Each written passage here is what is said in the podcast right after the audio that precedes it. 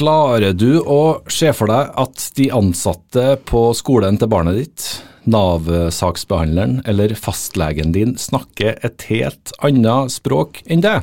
Sånn er hverdagen for mange nordmenn. Da kan de vel bare bruke tolk, tenker du kanskje. NTNU Samfunnsforsknings forskning på minoritetsspråkliges erfaringer med tolking i det offentlige Norge viser at det ikke er så enkelt. Det er fortsatt altfor mange krevende hverdagsbarrierer for dem som snakker samisk, tegnspråk eller et annet minoritetsspråk.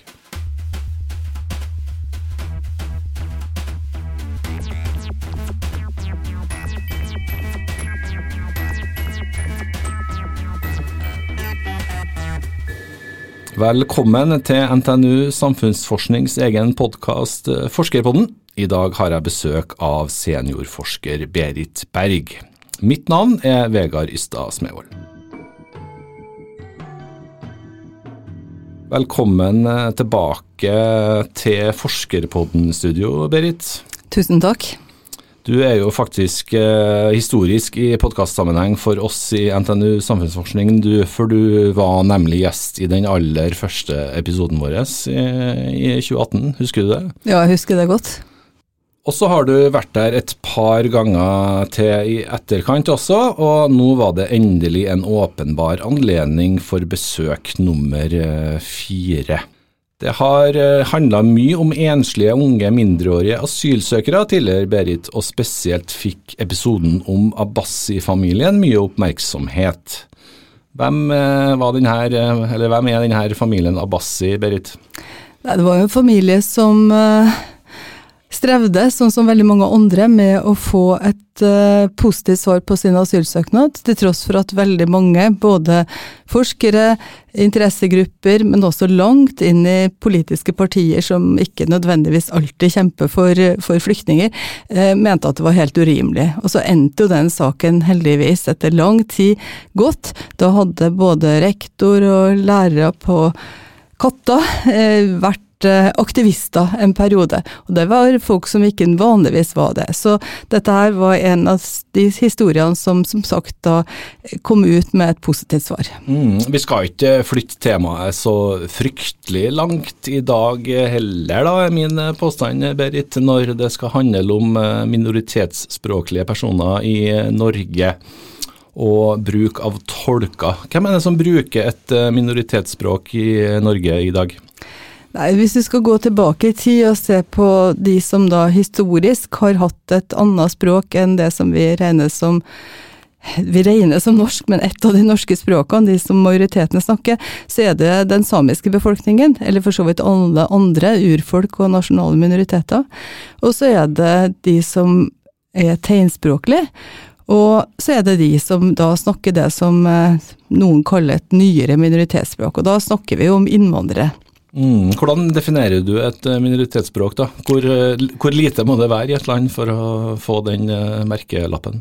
Nei, altså størrelsen har ingenting med om det defineres som et minoritetsspråk. Det kan være en veldig lita gruppe, altså f.eks. kvener er en liten gruppe som har sitt eget språk som ligner på finsk, men ikke er finsk.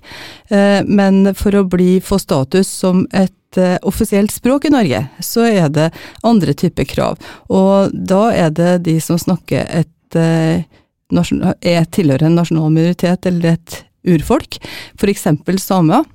Og så er det de som er tegnspråklige. Norsk tegnspråk er f.eks. da et offisielt språk i Norge, og samisk er et offisielt språk i Norge. Hvor mange blir det da i Norge som uh, prater et uh, minoritetsspråk, som Nei. har det som sitt første språk? Nei, det, språket, det, spørsmålet skulle du ha forberedt meg på. Jeg tror det er vanskelig å si det. Altså, der vi har uh, I Norge i dag så, så er det jo Eh, en veldig stor gruppe med nyere minoritetsspråk. Da snakker vi om, eh, da snakker vi om hundretusener. Når det gjelder eh, de som snakker samisk, så er jo det også litt vanskelig å si. fordi skal vi da telle de som ble utsatt for en streng fornorskningspolitikk og kanskje aldri har fått anledning til å lære samisk, eller skal vi telle de som bruker samisk til vanlig og har det som sitt førstespråk? Og når det gjelder noen av de offisielle språkene så er de små, men de er totalt avhengig av å kunne kommunisere via sitt språk. Og da tenker jeg f.eks. på døve og andre hørselshemma. Mm. Hva, hva, mener du med ikke har fått muligheten til å lære samisk? Hva tenker du på da? Nei, altså Hvis du går tilbake til uh, tidlig på 1900-tallet og hvis helt fram til 50-tallet og til dels 60-tallet, så var eh, samisk var forbudt i skolen. Eh, barn ble sendt på internatskole for å lære norsk, men ikke bare lære norsk, men også for å praktisere norsk i all opplæring. Og Det betyr at eh, en hel generasjon, eller flere generasjoner faktisk, da ble fratatt sitt, sitt språk. Og det var også, fikk jo etter hvert også veldig lav status, sånn at hvis du ikke kunne norsk, så var det Da var du litt annenrangs. Og det her er jo en del av det som også blir kalt assimileringspolitikken. Altså vi skulle assimileres bli så lik som mulig. Og så lik som mulig var det majoriteten var. Så det her har jo vært en, en kjempeutfordring i det samiske miljøet. Og det er eh, de som tilhører besteforeldregenerasjonen til unger i dag, de har jo også lært i praksis at samisk er mindreverdig, sånn at eh, de prøvde å snakke norsk, men det endte jo opp med at mange ikke ikke snakka godt norsk og ikke snakka godt samisk. Så det her er jo en arv vi har fra noe som konge og statsministre og regjering og storting har bedt om unnskyldning for. Og det skulle bare mangle. Det tok mm. lang tid. Hvor langt har vi kommet på det feltet i dag, da, syns du? Nei, altså vi, vi er, er, vi i mål? Nei, vi er jo ikke i mål. for fortsatt så er det jo mange som aldri har fått muligheten til å lære verken samisk eller norsk på en god måte. Men de fleste av dem tilhører jo en generasjon som er eldre enn deg. og eh, Kanskje eldre enn meg også. Men, men Så det her er jo noen ting som, som ligger der som har vært en eh, ja, som, som, ikke du blir helt ferdig med før vi nå får en hel generasjon som vokser opp med å være stolt av sitt eget språk, og lære eh, det som er majoritetens norsk, Eh, som et første fremmedspråk. Og det, de har rettigheter til å kunne bruke samisk eh, i forvaltningen, altså i offentlig sektor. Og det betyr også at eh, hvis da de som tilhører forvaltningen, eller sykehusene, eller politiet, eller eh, Nav, hvis de skal kommunisere, så har de som da f.eks. snakker samisk, rett til å få en tolk. Mm, det er det vi skal snakke om i dagens uh, episode også, Berit. At uh, integreringa har uh, fortsatt en vei å gå, da.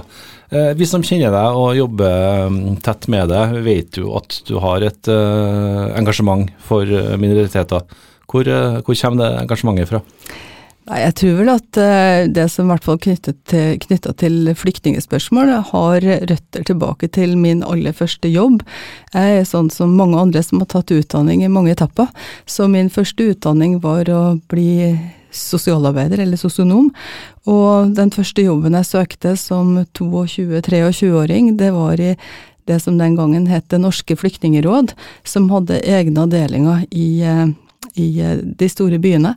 Og jeg begynte der og tok imot latinamerikanske flyktninger som hadde blitt ekstremt røft behandla etter kuppet eh, i 1973, hvor Allende ble styrta og Pinochet ble satt inn. Eh, det kom flyktninger derfra som hadde sittet i de verste fengsler som jeg tror vi kan tenke oss, og var jo sterkt torturert. Det var den første gruppa. Og det var jo også sånn som matcha en del av mitt engasjement, som veldig, veldig mange andre unge på den tida, som støtta eh, frigjøringskampen i Latin-Amerika og i mange andre land i verden. Så det er klart at dette var et yrkesengasjement, og så var det også et engasjement for, for frigjøring av tidligere kolonier, eller andre som opplevd undertrykking. Så kom det vietnamesiske flyktninger, fra, som da var den første gruppa båtflyktninger. De kom også over, over det samme Middelhavet, men ble tatt imot på en helt annen måte enn flyktninger i dag. Så det, det her skriver seg fra det, og etter det så har jeg jo eh, utdanna meg som eh, sosiolog, og jeg har tatt doktorgraden min i sosialt arbeid, og har hele tida holdt fast i det her som tema. Litt andre ting også, men først rekke dette. Mm, så har du tatt med deg det inn i forskninga. Og, og, så har engasjementet ditt uh, vært så brennende også, Berit, at uh, du har fått, eller eller måttet tålt litt kritikk for det. vi hadde en episode her i Forskerpodden-studio i 2019, som handla om nettopp Abbasi-familien, der eh, samfunnsdebattant Kjetil Rollnes mente at du eh, oppførte deg som en forskningsaktivist. Hvordan er det å få en sånn merkelapp? Nei, For å være helt, helt bånn ærlig, så syns jeg nesten det er en hedersbetegnelse. Jeg syns at det å holde fast på et engasjement er bra, og hvis eh, Kjetil Rollnes syns det er kritikkverdig eller har problemer med det, så får han bare mene det. Men altså, det, er ikke, det her er jo ikke sånn som bare jeg gjør. Eh, prester har stått opp for å bevare kirkeasyl, f.eks. Det er jo en av de nye sakene. Her har vi mange som står opp for andre grupper som de opplever som eh, blir utsatt for urett eller, eller, er undertrykt på en eller annen måte, enten det er i vårt eget land eller i andre land. Så jeg mener vi tar ikke av oss det engasjementet når vi jobber med forskning. Klimaforskere tror du ikke at de er aktivister også? Eh, jeg tror de er det. De er brennende opptatt av hva som skjer med kloden vår. Sånn at det her er jeg oppfatter det her som, en, eh, som, et fullstendig sidespor. Det er brukt, altså kalle noen for forskeraktivister, de er brukt for å, for å, sverte, og der og da så blir man kanskje litt forvirra, men eh, jeg er helt sikker på at det engasjementet, det vil jeg aldri slutte med. Mm. Kan du forstå at uh, forskninga di blir oppfatta som for subjektiv? Vet du, det her er Til å ha jobba så lenge med det feltet, så har jeg tror jeg faktisk til gode å oppleve det som en utfordring. Jeg var eh, like aktiv og like, om du vil, aktivistisk den gangen jeg var leder for flyktningetjenesten i Trondheim, som da er en offentlig stilling, eh, en mellomlederstilling i Trondheim kommune, og alle visste at jeg brant for dette, og det var aldri sett på som noe problem. Så mm, at jeg lever godt med at Kjetil Rollenes og en del andre kaller meg aktivist, eh, det som sagt, det oppfatter jeg nærmest som en hedersbetegnelse. Forskninga mi har ikke fått kritikk. Vi skal pensle oss inn på dagens eh, tema nå.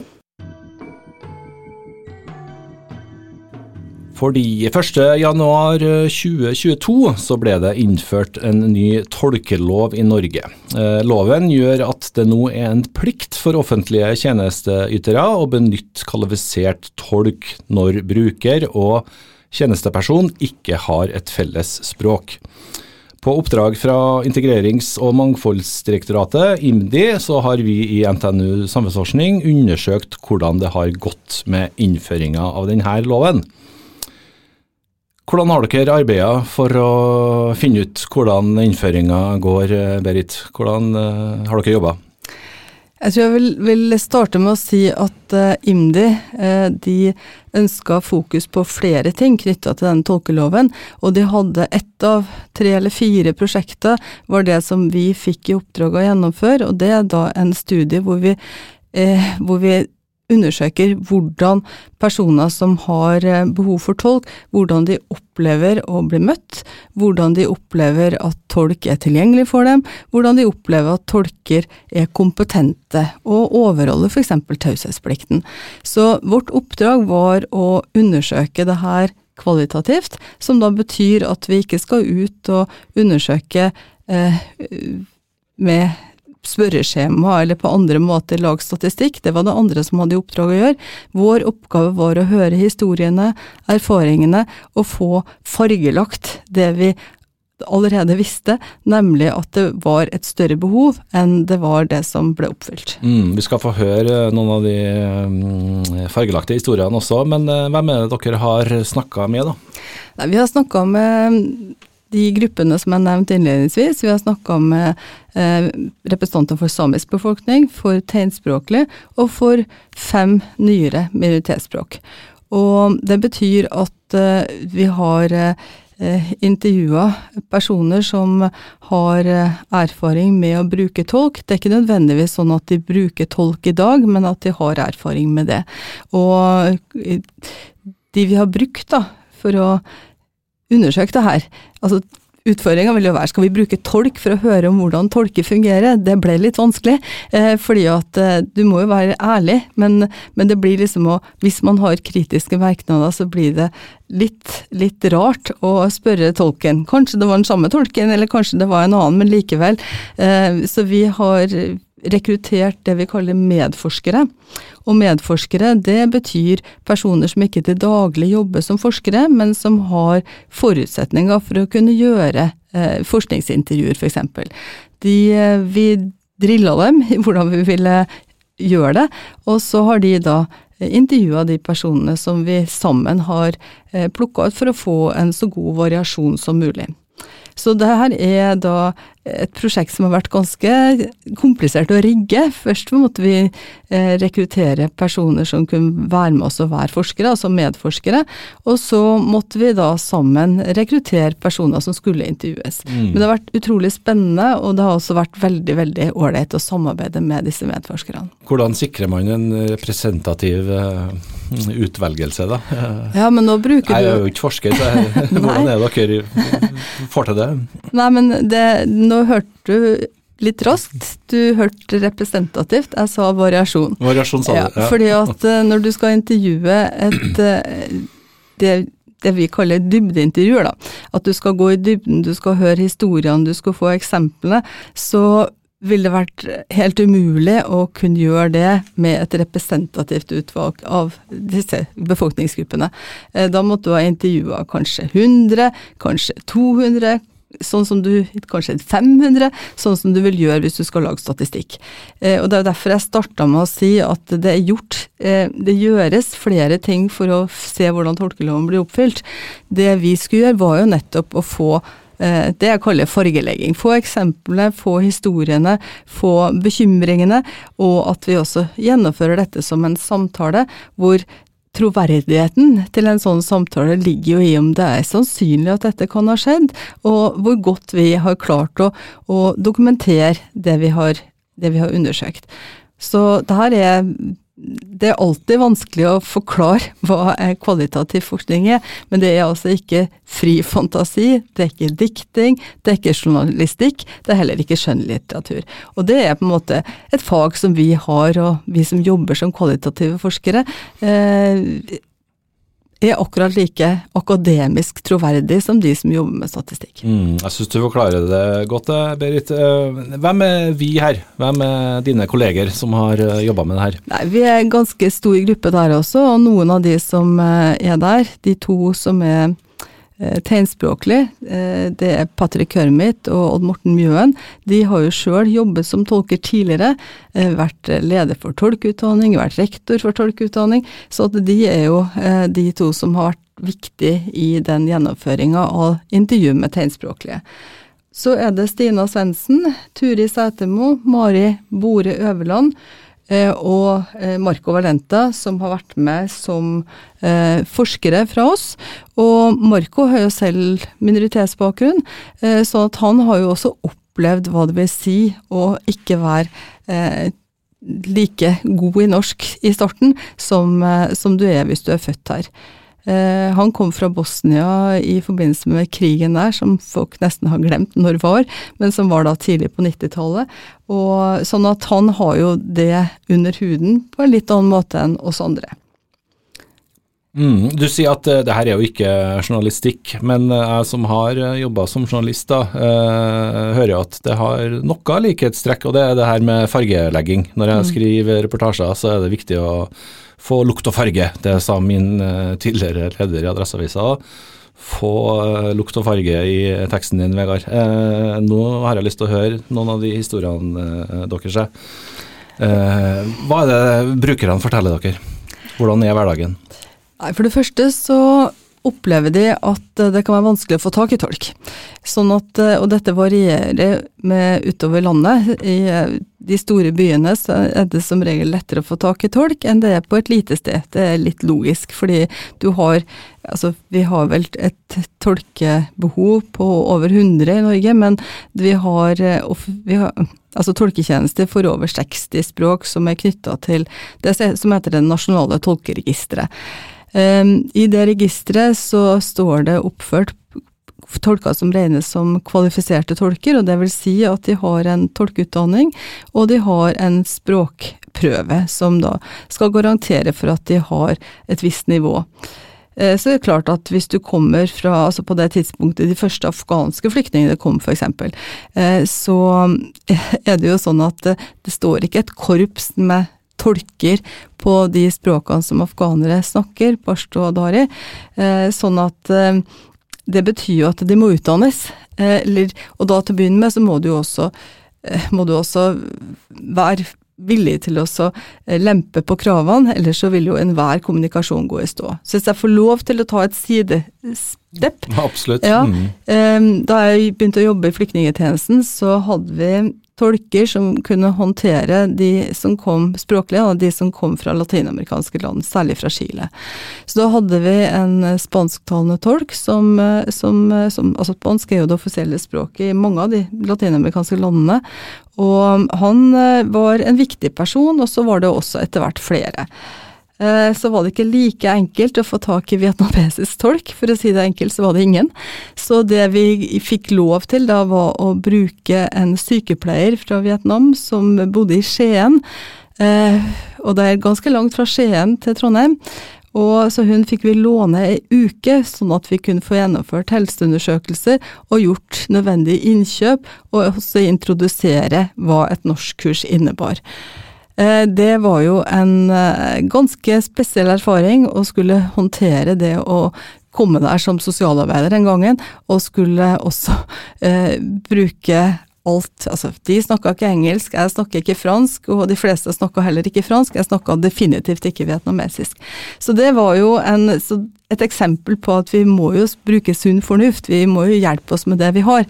Men i dag så er det på veldig mange språk så er det, så er det kvalifiserte tolker. Og du spurte om før jeg sa at jeg skulle gjøre et sidesprang. jeg ville gjerne høre uh, noen historier fra hverdagen. Ja. Altså det som, Da starta jeg med å si at uh, det kan være vanskelig å få tak i tolk. Mm. Det andre er jo at uh, de har En del språk har mange varianter. Å si at du snakker arabisk betyr ikke nødvendigvis at alle som snakker arabisk, snakker det likens. Eh, det samme slurver vi jo kraftig med, og jeg kan jo også tilhøre den gruppa. Vi sier at vi, du snakker samisk. Ja, men det finnes mange samiske språk. Det finnes nord- og sørsamisk, lulesamisk, skoltesamisk. Og de språkene er ikke liksom som dialekter, men det er ganske forskjellige språk. Så at det å få riktig tolk er også en utfordring. Så er det Eh, også sånn at eh, en del situasjoner er sårbar. Eh, du skal på legevakta, det har skjedd noe akutt, du, enten at du er syk eller har vært utsatt for en ulykke. Og da er jo det å få formidla eh, hvordan tilstanden er Det er jo ikke sikkert du sjøl er i stand til det, men slektninger som kanskje heller ikke snakker majoritetsspråket, så da har du utfordringer med, med det. Men så, så får vi håpe at pasienten kvikner til, og at eh, det da er eh, andre ting som oppstår. Du syns det kan være vanskelig å snakke om sårbare tema, eh, og helse er jo en av de tingene som går igjen i alle historiene våre. Det å skulle formidle sykdom, eller få formidla sykdom. Og særlig da hvis f.eks. fastlegen sier at eh, men du snakker da så godt norsk, Eh, vi klarer oss da uten tolk. Og det er sånne historier som går igjen. Men da er det ganske stor forskjell på det å kunne noen få ord, eller kunne hverdagsnorsk, som jeg pleier å kalle det, eh, fordi at eh, du kan kanskje klare deg godt i hverdagen med noen få hundre ord, men du trenger noen tusen ord mm. for å kunne kommunisere på vanskelige tema. Og så er vi glad i å skryte av, eh, skryte av andre, vet ikke i Norge, å du så flink. Eh, ikke sant. Er det noe der? Ja. ja, det er jo klart det er noe der, fordi at eh, man vil jo også gjerne bekrefte det at hvis fastlegen syns du er god i norsk, så blir du litt stolt, samtidig som du blir kjempefrustrert. Du skal kanskje inn og få svar på en prøve, du er kjempestressa og nervøs, og så skjønner du ikke. Og det, da er spørsmålet hvem er det som ikke skjønner her? For det er jo like mye legen som ikke skjønner den som snakker et annet språk. Så her er det noe med at det offentlige har plikt til å bruke tolk, men vi må slutte å tenke at det er bare den ene parten som trenger det. Eh, en gruppe som har særlige utfordringa her er jo de som da tilhører grupper som er stigmatisert, som gjerne blir rakka ned på, som blir sett ned på, eller kanskje også eh, har flyktet fordi de tilhører en minoritet, og da tenker jeg på skeive, eller LHBTIQ pluss. En litt mystisk bokstavsammensetning. Skeive som kanskje har flykta fra regimer som eh, Fra land hvor det er forbudt å være skeiv, eller fra regimer hvor det er forbudt å vise at du er det. Og så kommer du hit, og så skal du formidle dette her via en tolk, hvor du ikke vet om den tolken, hva slags holdning den tolken har. Som regel så tror jeg det handler mest om hva du tror, men det er likevel en kjempevanskelig situasjon å være i, fordi du ikke er sikker på om du kan stole på at tolken overholder f.eks. taushetsplikten. Mm, du foregriper litt i manuset mitt her nå, Berit, men det går veldig bra. Uh, du nevnte en forkortelse her, LHBTIQ pluss. Ja. Kan du oppklare den forkortelsen litt uh, for oss? Uh, hvorfor er den så vanskelig, og hva står bokstavene for? Nei, fordi Skeive er jo en gruppe som, uh, som altså det, det vi, mange av oss som begynner å bli litt oppi årene, vet at lesbiske og homofile var det vi tenkte på som skeive. Og så har du bifile, LHB, til transpersoner, og så har du eh, queer og pluss, som da blir, blir, Jeg vet ikke om jeg kan klare å forklare det veldig godt, jeg da, men skeive er i hvert fall en veldig sammensatt gruppe, hvor, hvor, det som handler om homofile, lesbiske, bifile og transpersoner, er kanskje de gruppene vi, vi tenker som særlig eh, definerer skeive. Og så har du jo også personer som, som kanskje har en, en, uavklart, eller som har en kjønnsidentitet som ikke nødvendigvis er lett å plassere innenfor disse første bokstavene.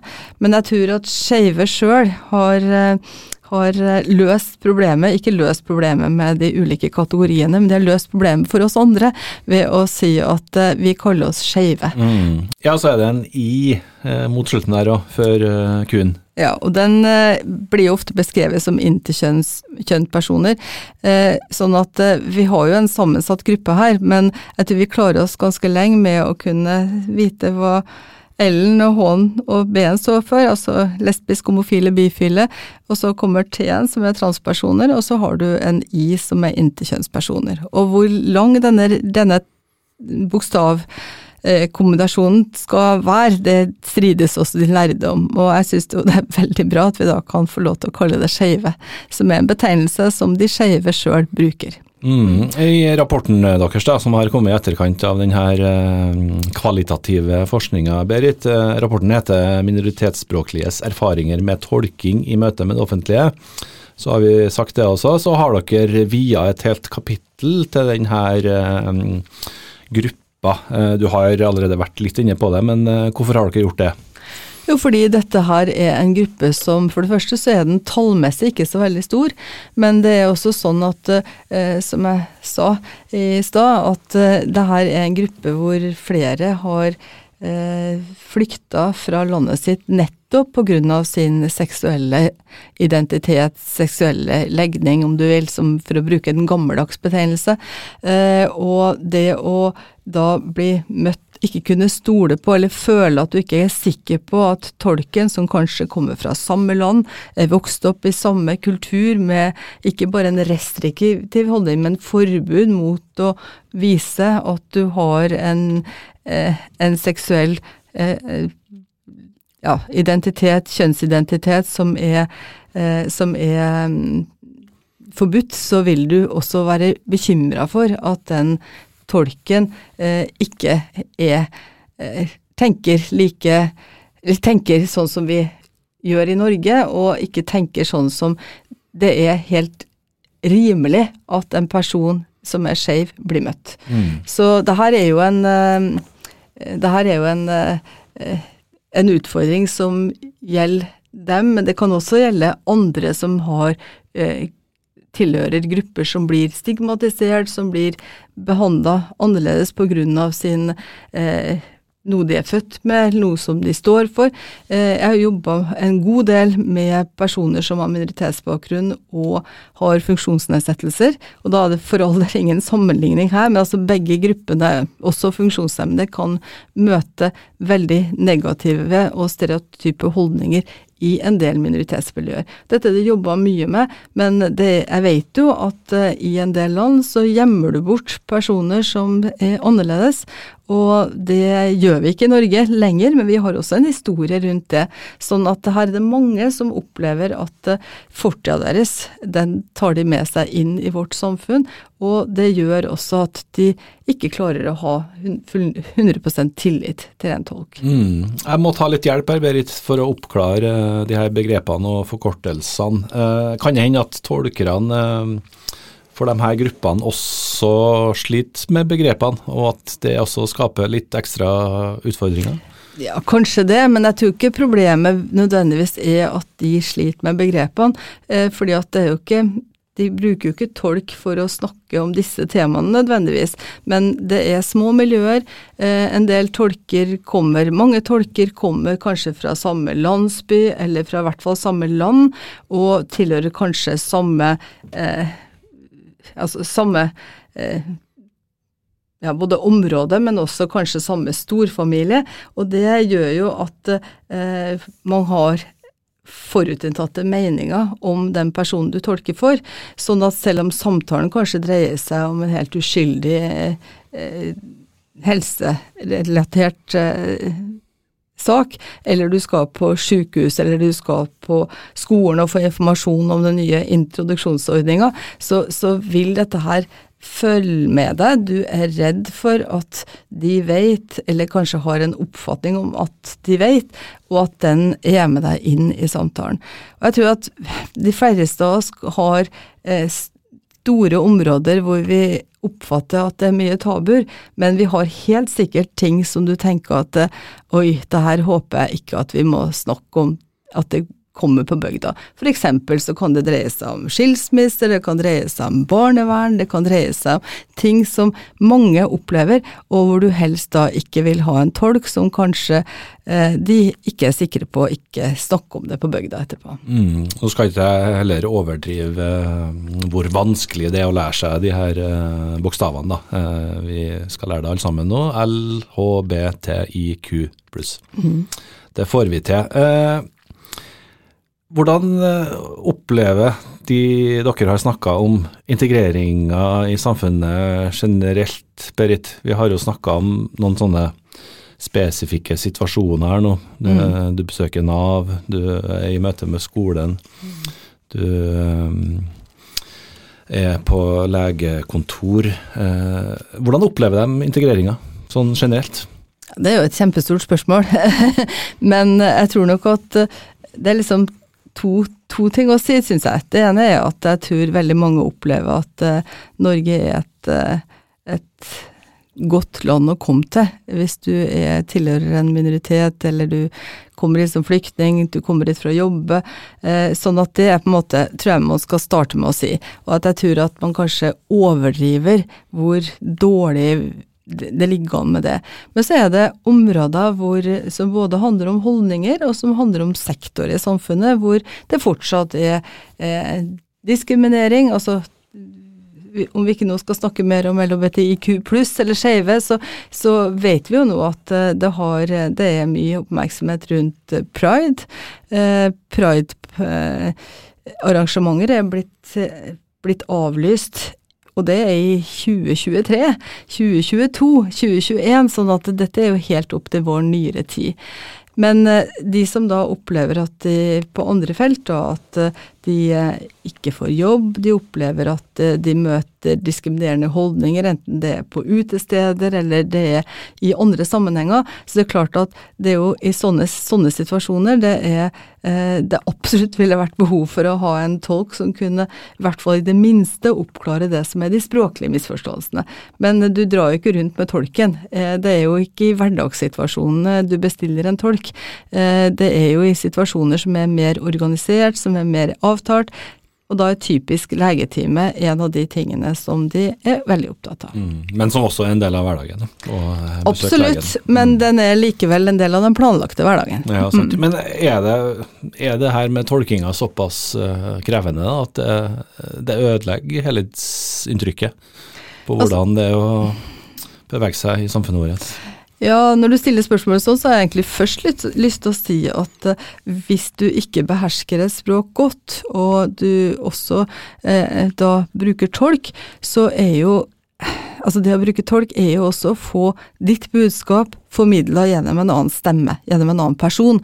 Og det i seg sjøl, å være avhengig av en tredjeperson, er jo en utfordring, fordi eh, vi er jo personligheter, og vi har lyst til å Bruk de ordene som vi vanligvis bruker, formulere som vi vanligvis gjør. Og det gjør nok at eh, det er seg sjøl en høy terskel for å innrømme at du trenger en tolk. Sånn at eh, det er noe det, det ene i det. Men eh, ellers så tror jeg vel at det å være avhengig av en tolk, eller det å bruke tolk i en del situasjoner Hvis tolken er god, så er det også en måte å få formidla det du vil. Og, så da, det er jo en det er jo en, eh, Selv om det kanskje ikke blir sagt på akkurat den måten du ville gjort det, med de Jeg er jo sånn som har massevis av uh, uoffisielt tegnspråk. Jeg bruker så mye både mimikk og jeg bruker så mye, mye armer og bein. Sånn at uh, det er klart at det skal jo ikke en tolk gjøre. Så du, får, du blir jo på en måte en litt annen. Og det oppleves jo Det oppleves nok ubehagelig for en del. Og framfor alt så oppleves det ubehagelig å ikke kunne snakke godt nok norsk, sånn at eh, Eller majoritetens norsk, fordi du, du, blir, eh, du blir redusert. Altså hvis vi snakker om noen hundre istedenfor noen tusen ord, så vil det være veldig mye som blir svart-hvitt, og du må leite etter et alternativt uttrykk, en alternativ måte å si det på. Eh, alle vi som har, er født og oppvokst i Norge har jo minst ett fremmedspråk, kanskje både to og tre. Og jeg vet meg sjøl at eh, min tysk er rusten, min fransk er glemt. Og det betyr at eh, hvis jeg skal prøve meg, og jeg har til prøvd det, prøver liksom å ta fram tysken min, og jeg framstår jo i mine egne øyne i hvert fall som en, om ikke en komplett idiot, så framstår jeg i hvert fall som en ganske dårlig utgave av meg sjøl. Og det er det jeg tror at plikten til å få en tolk er i hvert fall med på å kunne gjøre budskapet ditt eh, mer riktig selv om du da ikke får med alt det personlige. Mm, det høres ut som det er vanskelig å komme seg opp på 100 her, da. Eh, uansett. At det, det er veldig krevende. Det er ingen som snakker om 100% men Nei. vi snakker om for det første, hvis vi tar på det laveste nivået, at uh, man unngår misforståelser. At man får formidla det det faktisk dreier seg om. Vi har jo en sak som, uh, som går langt tilbake i tid, men som kanskje noen husker likevel. Fritz Moen-saken, hvor en person som var sterkt hørselshemmet, ble dømt og fengsla, og hvor, etter, hvor han da ikke fikk bruke tolk, eller hadde ikke tolk, eh, og hvor eh, Eller til dels, hvis han hadde tolk, så var det jo ikke en ordentlig tolk, det var ikke en kvalifisert tolk. Og den saken den har jo satt dype, dype smor i hele hørselshemmingsmiljøet, men også langt utover det. Så det er klart at eh, her, er det, her, er det, ganske mye som, som eh, kan gå skikkelig gærent hvis ikke du, hvis ikke du bruker en tolk. Mm, det er vel ikke kontroversielt å mene at det var medvirkende til at han ble dømt i sin tid? Nei, altså fordi at når du, ikke, når du ikke har tolk, så til slutt så er det jo lett å legge ord i munnen på deg. Og det var det som skjedde her, at han til slutt innrømte et drap han aldri hadde begått. Mm. Og så er det langt imellom å bli dømt for uh, drap som du ikke har begått, og få en 100 eh, tolka hverdag. Mm. Men hvordan skal vi komme oss opp til 80-90 da, Berit? Eh, hva er det som skal til for at uh, hverdagen til både LHBTIQ pluss-gruppa, men også dem som snakker nordsamisk, som dere har snakka med, de som har et nyere minoritetsspråk, og dem som er hørselshemmede. Hva skal til?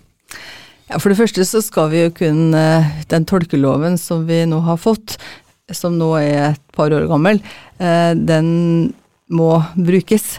Eh, det betyr at offentlige må bestille tolk, hvis ikke den som da representerer det offentlige, og den som du har som brukerklient eller eh, personen du skal møte, eh, har felles språk. Så det er det ene. Og den plikten, allerede der så er det, slurves det jo i dag. Eh, enten fordi at noen mener at de snakker godt nok norsk, eller at de burde kunne snakke godt nok norsk. Og det er jo en, syns jeg, ganske grov eh, eh, påstand når den personen faktisk sier at jeg trenger tolk.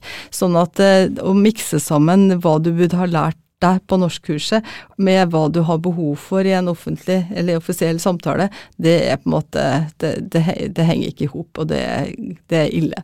Så det, ene, så det ene er da at man, man, blir kjent med tolkeloven, og så må det offentlige bruke den. Men så er det jo sånn da, at vi har jo ikke et tolke... Vi har et større tolkebehov enn vi har eh, tolker. Og, så Det betyr at vi også må bygge ut tolketjenestene, sånn at det er lettere for for det offentlige, offentlige tals, altså f.eks. Nav, da, å kunne bestille en tolk. Så det er det ene. Det andre som vi må gjøre, er jo også å lære opp de tolkebrukerne til å gjøre det som er helt nødvendig når du bruker eh, tolk eh, for eh, talespråk, sånn som vi gjør for de fleste av de vi har undersøkt. Tegnspråklige blir litt annerledes, det skal jeg komme tilbake til. Men for de som bruker tolk som da er du tolker i, i, sekvenser, og tolken oversetter etterpå, eh, så er det å skjønne at det tar lengre tid. Og da nytter det ikke at fastlegen, nå får fastlegen litt pes her, men eh, fastlegen har kanskje et kvarters gjennomsnittlig tid for en konsultasjon, men det, må, det, tar jo minst dobbelt så lang tid, fordi at du skal få sagt det på to språk. Så det, det må de bare legge inn, og det er det ikke noe unnskyldning for i 2023 at ikke både leger og andre legger inn ekstra tid. Eh, politi og rettsapparat har skjønt det bedre enn helsevesenet. Så, eh, så de, må, de, må, skjønne det, og så må de også vite hvordan du bruker tolk. Og det er jo ikke noe sånn hokus pokus, men du snakker ikke til tolken, du snakker til den som kommuniserer budskapet. Så det trengs jo eh, opplæring i dette. Det trenger å ha fokus på utdanningene, eh, særlig de som da er, har mye bruker- og klientkontakt. Og så er det også, synes jeg, viktig at eh, de som, eh, som er tolkebrukere på minoritetssida, også, også eh, er kjent med eller skjønner hvordan de skal bruke tolken. Så dette er jo en av kanskje de fire hovedtemaene som vi Altså dette med kompetanse. Og så har jeg snakka en del om tilgjengelighet. Og så har, sagt, har jeg sagt ganske mye om tillit. Og så handler det jo om at det her er eh, rettssikkerhetsutfordringer på alle disse fire nivåene. Sånn at rettssikkerheten er jo det som skal sikre at eh, minoritetsspråklige ikke kommer dårligere ut i møte med det offentlige. Asylsaken, som jo gjelder alle flyktninger som kommer hit, eh, hvis ikke de tilhører den gruppa som kommer direkte fra FN, men alle sammen er gjennom et flyktningintervju. og for mange så er det flere intervjuer, og det får store, store konsekvenser for utfallet og for livet videre. Sånn at eh, hvis vi tar den omvendte og repeterer, altså rettssikkerhet, det handler om tillit, det handler om eh, tilgjengelighet eller tilgang, og det handler om kompetanse. Mm, du har pekt litt på fastlegene. Hvem ellers er det som har ansvaret her, da? Altså alle som representerer, eller alle som tilhører offentlige etater. Men ta eksempel nå er det jo ikke så veldig mye sånn at man kan møte opp på et kontor lenger, men uh, det hender jo. Sånn at uh, alle de offentlige kontorene vi har, er forpliktet til å bruke tolk hvis ikke de har et felles språk, og det syndes det mot. Uh, men eksempelet jeg har fått når helsevesenet har fått mye oppmerksomhet, så er det jo fordi at det som oftest kommer fram Eh, barnevernet, eh, som da ikke så mange får kontakt med, men det er også et sånt sted hvor man sitter med mye makt, mye myndighet til å fatte beslutninger. Og da er det ikke bare beslutninger som skal formidles, det er jo grunnlaget for beslutninger som er viktig. Ellers så er det jo mange andre mange andre steder hvor det er, hvor det er som er offentlig. Ta skolen, barnehagen.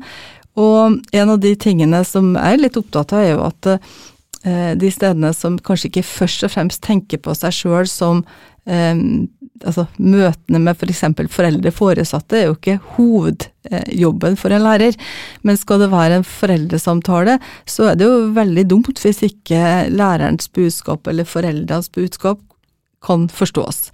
Ehm, det er ingen som mener at det f.eks. i barnehagen skal stå en tolk når du kommer med ungene eller de skal hjem eh, om ettermiddagen, men det handler jo om å skille klart mellom hva er det som er en planlagt samtale hvor det skal formidles informasjon f.eks., og hva er det som er en hverdagssamtale. Mm. Jeg har eh, førsteklassing, jeg Berit, og vet at uh, kontakten med hjemmet er en stor del av lærerens uh, hverdag i dag. Altså. Og da regner jeg med at de forstår deg, selv om du snakker trønder. De gjør det, altså. Mm. Uh, jeg lurer på, har det noe for seg, hva dere forskere sier? Blir det endringer? Jeg tror nok at uh, uten at det hadde vært god dokumentasjon og forskning på en del tema som det her, så hadde det heller ikke blitt endring. Så uærbødig er Og da handler det ikke om min forskning eller vår forskning, men det handler jo om at det over lang tid har vært dokumentert utfordringer knytta til, eh, til, tolkebruk, og eh, at det syndes mot å bestille tolk, og at det er vanskelig å få tak i tolk. Og de rapportene går helt tilbake til 80-tallet, eh, 90-tallet. Sånn at eh, ta f.eks. Norske legeforening, de skrev en veldig kritisk rapport for en del år tilbake. Ikke i rollen som forskere, forskerleger, men i rollen som eh, de som også ser utfordringene i at disse møtene de blir ikke gode hvis ikke man bruker tolk. Sånn at eh, det er jo mange som skal ha æra for at det skjer en endring nå, men eh, forskninga har vært med på å dokumentere, og da ikke bare den kvalitative, men også det som selvfølgelig handler om å ha statistikk og bruke tall. Jeg tror det beste forskninga er den som klarer å gjøre begge deler, og vi har vært så heldige at det har vært andre som har sett på tallene, og vi får dokumentert akkurat det samme, men får det i historier og får det til dels også ganske hjerteskjærende eksempler på hva det vil si å ikke bli forstått. Mm, hvem er det som har sett på tallene her? Ja, Det er jo flere som har gjort det, men det er bl.a. Uh, Agenda Kaupang og det er Proba Analyse. Og det, flere av dem har samarbeida med, med, med, hverandre, men altså det har vært forskning fra Oslo OsloMet, fra NOVA, fra Fafo, og også uh, ganske mye fra oss som, om ikke oppdraget har vært eh, å forske på, på, tolkning, så har tolking vært et viktig tema, undertema i det vi har skrevet om. Mm, eh, loven ble innført for eh, et og et halvt år siden. Kommer dere til å følge opp hvordan det her går videre? Altså, vi har vel tror jeg ikke noen gang skrevet en rapport om minoritetsspråklig uten at dette med språk og, og språkforståelse og tolking har vært en, et tema, eh, fordi det er så sentralt i, i, det som skjer i møtet mellom minoritet og majoritet. Eh, hvorvidt vi skal ha et eget prosjekt på, det er jo ikke bare avhengig av oss. Vi er jo helt avhengig av at det stilles midler til disposisjon, men vi har gjort ganske mye på egen kjøl også, som da betyr at vi ikke nødvendigvis har fått midler eller kjempa oss til eller konkurrert om midler, men at vi også har gjort ting fordi vi er interessert i det. Og det tror jeg at vi kommer til å gjøre framover, hvis ikke eh, departementer og direktorater og forskningsråd eh, klarer å skjønne at dette må vi følge opp videre ett og et halvt år for en tolkelov er jo ganske kort tid. Den er jo nødt til å virke lenger for at vi skal kunne si noen ting om hvordan det faller ut, hvordan effektene blir. Da snakker jeg om de som ser på tallene, men også hvordan erfaringene blir. Mm, du har vært med på å arrangere et uh, lanseringsseminar, du har skrevet kronikk om rapporten, og du stiller opp her i Forskerpodden. Uh, hvorfor gjør du det? Fordi jeg syns det er viktig at vi på alle mulige slags flater for formidla budskap som, som, jeg tror det er viktig at vi får uh, spredd til mange. Og at uh, Forskerpodene er en sånn type flate, eller ett type medium for å få ut ting. Så uh, det er ikke et behov for å få snakka i radioen, men det er rett og slett et behov for å få sagt og formidla et budskap som jeg syns er viktig. Det høres bra ut. Da har du vært der uh, fire ganger, Berit. Og da tror jeg du kanskje nærmer deg en liten uh, intern rekord også i NTNU samfunnsforskning? Kanskje det. Jeg har ikke tenkt på det, men ja. Det er i tilfelle en rekord som jeg syns smaker litt dobbelt. Jeg syns det er viktig at unge forskere, jeg begynner jo å bli langt opp i årene, at unge forskere tar over, og det gjør de jo i den gruppa som vi har, som har vært med å skrive den rapporten, så har vi et stort aldersspenn, og det syns vel det er viktig at vi også gjenspeiler i sånn som Forskerpodden. Absolutt. Uh, Berit Berg, tusen takk for uh, besøket. Takk for at jeg fikk lov til å komme. Og, Denne gangen også. ja, så bra. Og takk også til deg som hører på podkasten vår. Forskerpodden er NTNU Samfunnsforsknings egen eh, podkast, som spilles inn i studio på Dragvoll i Trondheim. Navnet mitt det er Vegard Y. Smevold. Vi høres neste gang.